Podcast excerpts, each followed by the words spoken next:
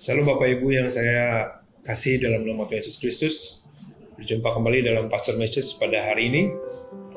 Pastor Message pada pagi hari ini saya ambil dari firman Tuhan 1 Tesalonika 5 ayat 16 sampai dengan 18. Demikian bunyi firman Tuhan, bersukacitalah senantiasa, tetaplah berdoa, mengucap syukurlah dalam segala hal, sebab itulah yang dikehendaki Allah di dalam Kristus Yesus bagi kamu.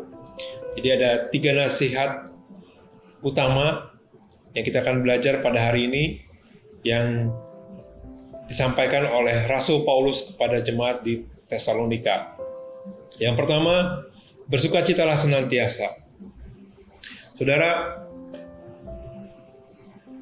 mungkin saya tidak tahu, mungkin ada banyak persoalan, banyak hal yang membuat kita tidak bisa bersukacita. Kita takut, kita uh, khawatir, kita bimbang, kita ragu, kita murung karena hal-hal tersebut. Tapi firman Tuhan mengatakan firman Tuhan yang disampaikan Rasul Paulus kepada jemaat Tesalonika, bersukacitalah senantiasa. Jadi apa yang membuat kita bersukacita? Mungkin kita mendapatkan order, mendapatkan berkat, mendapatkan uh, job, mendapatkan uh, berita, kita bersukacita. Tapi yang terutama sukacita yang dari Tuhan itu adalah kekuatan kita. The joy of the Lord is our strength. Sukacita dari Tuhan itu adalah kekuatan kita.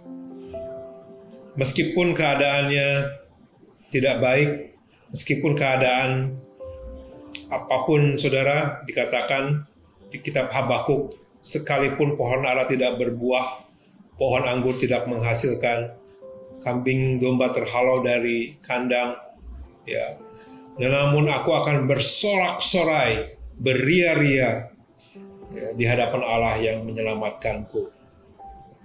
Saudara, jadi meskipun seperti tadi Nabi Habakuk katakan sekalipun sekalipun sekalipun ya keadaannya tidak mendukung sekalipun keadaannya buruk sekalipun keadaannya tidak baik tetapi Nabi Habakuk mengatakan juga namun aku akan bersorak-sorai beria-ria ya seperti tadi katakan bahwa Rasul Paulus bersukacitalah senantiasa. Sukacita dari Tuhan adalah kekuatan kita. Ya, sukacita yang dari Tuhan itu adalah kekuatan kita. Ada sukacita dalam hati kita, ya. Kita mari kita miliki sukacita yang dari Tuhan. The joy of the Lord is our strength. Yang kedua, tetaplah berdoa. Tetap berdoa baik atau tidak baik waktunya, naikkan doa, ucapan syukur kita, naikkan doa syafaat kita, naikkan doa permohonan kita kepada Tuhan. Ya. Berdoa senantiasa karena dalam doa itu adalah kekuatan. Doa adalah nafas orang Kristen. Doa adalah kekuatan kita. Dengan doa kita bisa menggerakkan hati Tuhan. Ya. Kita sepakat, dua tiga orang sepakat, maka akan terjadi, saudara. Yang tiga adalah mengucap syukur dalam segala hal. Ya, kita ucapkan syukur terima kasih untuk berkat-berkat yang sudah kita terima. Mengucap syukur untuk segala keadaan, mengucap syukur untuk uh, berkat Tuhan, mengucap syukur untuk segala keadaan kita. Ucap syukur karena itulah yang dikehendaki Allah di dalam Kristus Yesus. Di Mazmur 50 eh, firman Tuhan mengatakan tidak perlu kita membawa persembahan banyak-banyak ya. Tapi yang karena alam semesta dan seisinya adalah Tuhan punya. Tapi Tuhan menginginkan ucapan syukur kita, korban syukur kita, yaitu ucapan mulut bibir kita yang mengagungkan namanya. Mengucap syukur dalam segala hal dalam segala keadaan. Thank you Lord, thanks Jesus untuk semuanya. karena Tuhan itu baik. Ya. Sebab Tuhan itu baik, bahwasanya untuk selama-lamanya kasih setianya.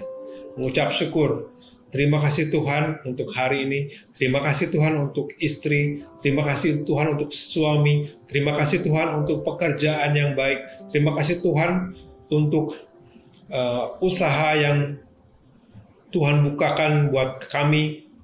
Terima kasih Tuhan untuk gereja, terima kasih untuk negara Indonesia, terima kasih Tuhan untuk kesehatan yang baik, ya. mengucap syukur dalam segala hal. Jangan katakan uh, kutuk, jangan katakan uh, omel-omelan atau kata-kata yang uh, tidak berkenan, tapi katakanlah ucap syukurlah dalam segala hal. Mengucap syukur dalam segala keadaan, karena itulah yang dikehendaki Allah di dalam Kristus Yesus bagi kamu.